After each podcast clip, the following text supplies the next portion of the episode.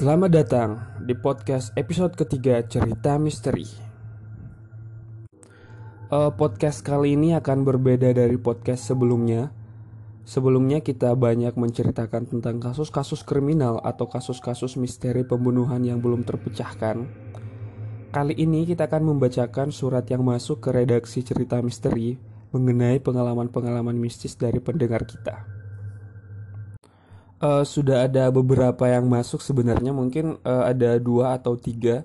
Tapi kita pilih satu dulu. Ada yang pertama dari uh, ini namanya dari Siska.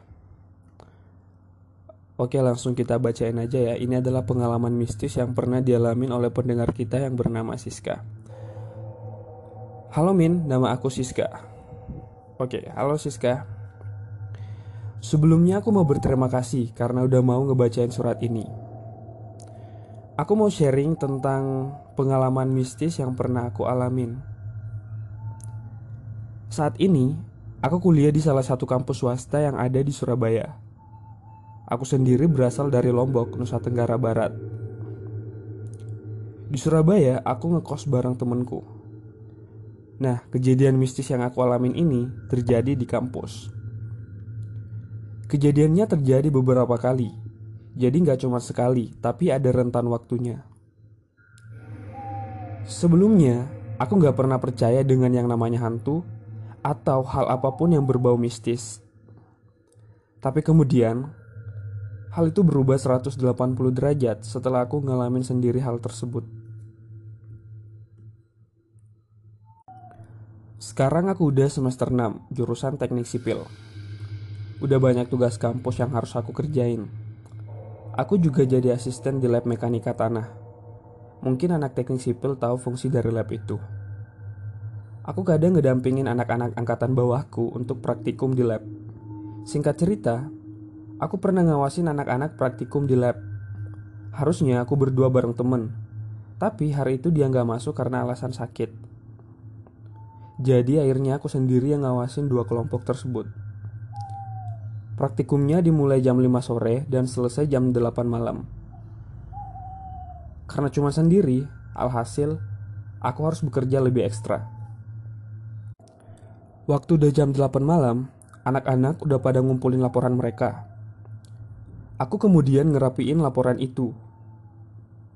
Terus mereka udah mulai masukin barang-barangnya ke dalam tas dan siap-siap untuk balik. Anak-anak akhirnya balik satu persatu dan cuma tinggal aku karena harus ngeberesin peralatan di laboratorium. Setelah barang-barang lab selesai aku rapihin, aku kemudian masukin barangku ke dalam tas dan udah siap-siap mau balik. Pas aku udah mau ngunci lab, tiba-tiba aku dengar kayak ada suara cewek yang ngomong, "Woi." Dia kayak manggil gitu. Terus, aku balik buat cari tahu siapa yang manggil. Tapi ternyata nggak ada orang. Dan saat itu udah ada beberapa lampu yang dimatiin. Jadi keadaannya udah agak gelap. Waktu itu aku nggak ngerasa takut. Soalnya aku udah beberapa kali sering pulang malam. Aku juga berpikir kalau mungkin itu anak-anak yang baru balik. Terus, aku kemudian turun lewat lift. Pas aku keluar dari lift, Aku juga ngeliat ada cewek yang keluar dari lift sebelahku. Jadi ada tiga lift yang berjajar. Nah, si cewek yang keluar dari yang tadi itu keluar dari lift yang tengah. Cewek itu pakai baju pink sama celana jeans. Dia juga pakai tas. Awalnya aku pikir kalau cewek itu juga anak mahasiswi yang baru pulang. Arah kita berdua berlawanan. Arah si cewek itu menuju ke parkiran mobil sementara aku menuju keluar ke gerbang. Karena heran, aku sedikit penasaran dengan cewek itu. Terus aku balik untuk ngeliat dia. Eh, ternyata dia udah gak ada. Walaupun ada perasaan takut, waktu itu aku masih positive thinking sih. Mungkin aja dia belok atau singgah ke toilet. Tapi karena ada sedikit perasaan takut, jalanku mulai aku percepat. Nah, itu pertama kalinya aku ngerasain kehadiran si cewek itu. Besoknya waktu aku ketemu sama anak-anak yang malamnya praktikum, Mereka ngomong kalau sebenarnya udah nggak ada siapa-siapa lagi di kampus waktu mereka balik kecuali aku. Dan di antara mereka nggak ada yang merasa teriak aku dengan panggilan woi. Berselang beberapa hari kemudian, aku kembali pulang malam sekitar jam 9. Tapi kali ini aku bareng sama temanku namanya Rani. Aku dan Rani baru aja selesai ngerjain proposal buat skripsi. Kita turun dari lantai 4 ke lantai 1 pakai lift. Karena capek, Rani dan aku nggak ngomong apa-apa. Kita berdua cuma diem-dieman aja. Pas lift udah kebuka, ternyata di dalam lift ada orang. Dan ternyata orang yang ada di dalam itu sama kayak cewek yang aku lihat kapan hari. Bajunya warna pink dan celana jeans. Persis seperti yang pernah aku lihat. Aku ngerasa gak aneh. Waktu itu aku pengen ngomong, tapi kayak ada sesuatu yang bikin aku males buat ngomong gitu. Di dalam lift, suasananya tenang banget. Dan hampir gak ada suara kecuali suara mesin liftnya. Pas udah nyampe lantai satu, aku sama Rani keluar duluan dari dalam lift. Keadaannya agak gelap, soalnya udah jam 9 lewat. Dan udah banyak lampu yang dimatiin. Rani lagi asik main HP sementara aku jalan sambil memikirkan cewek yang ada di lift tadi. Aku kemudian balik buat ngeliat cewek itu. Tapi lagi-lagi dia udah gak ada. Terus aku ngomong ke Rani. Ran, kamu lihat gak cewek yang tadi di dalam lift? Kok dia cepet banget ngilangnya? Kataku. Cewek yang mana? Kata Rani. Yang tadi bareng kita di dalam lift pakai baju pink, kataku lagi. Terus Rani langsung ngeliatin aku dan ngomong, Ran, aku capek. Kamu jangan bercanda yang gak lucu kayak gitu dong. Nah, aku heran. Terus aku ngomong, bercanda gimana? Terus si Rani ngomong lagi, tadi di dalam lift itu cuma ada kita berdua dan gak ada orang lain. Sumpah, seketika itu juga bulu kuduku langsung merinding. Aku gak mau membantah perkataan dari Rani. Aku langsung diam dan megang tangan Rani kuat banget. Rani juga udah mulai ketakutan kita berdua langsung mempercepat langkah. Pokoknya nggak ngomong apa-apa, yang penting kita bisa keluar dari gerbang secepat mungkin. Malam itu aku nggak bisa tidur sendiri. Sumpah, aku takut banget. Kebetulan aku satu kosan sama si Rani. Jadi pas habis mandi, aku masuk ke kamar Rani dan tidur bareng. Nah di dalam kamar kita berdua sempat ngobrol. Terus Rani nanya ke aku. Sis, emang bener tadi kamu ngeliat cewek di dalam lift? Kata Rani. Iya Ren, sumpah aku gak bohong. Dan cewek itu juga pernah aku lihat pas pulang dari lab dengan pakaian yang masih sama. Kataku.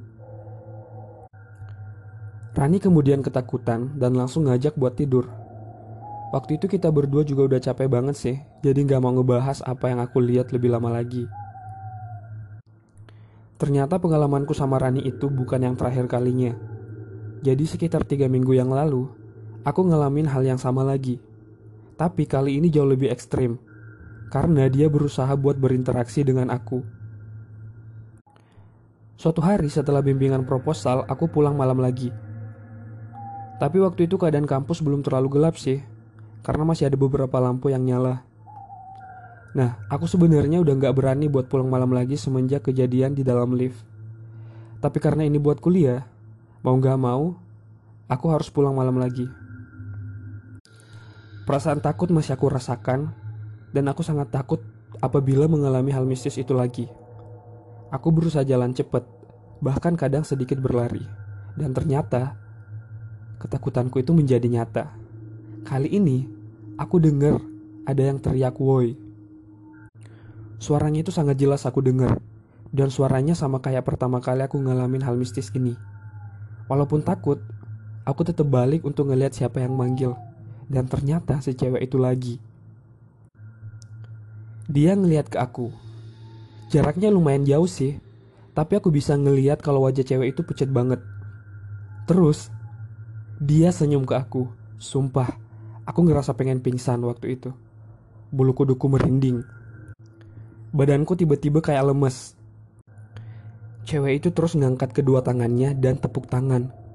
Walaupun jauh, Aku bisa dengar suara tepuk tangan itu dengan jelas dan kerasa kayak ada di samping telinga kananku. Waktu itu aku udah gak bisa mikir apa-apa lagi. Aku langsung teriak dan lari. Untungnya ada satpam yang dengar aku teriak. Pak Satpam kemudian datengin aku dan berusaha tenangin aku. Terus si Pak Satpam ini nanya, kenapa aku bisa teriak? Aku kemudian ceritain semuanya gimana aku ngeliat si cewek itu dan suara tepuk tangan yang deket banget di telingaku.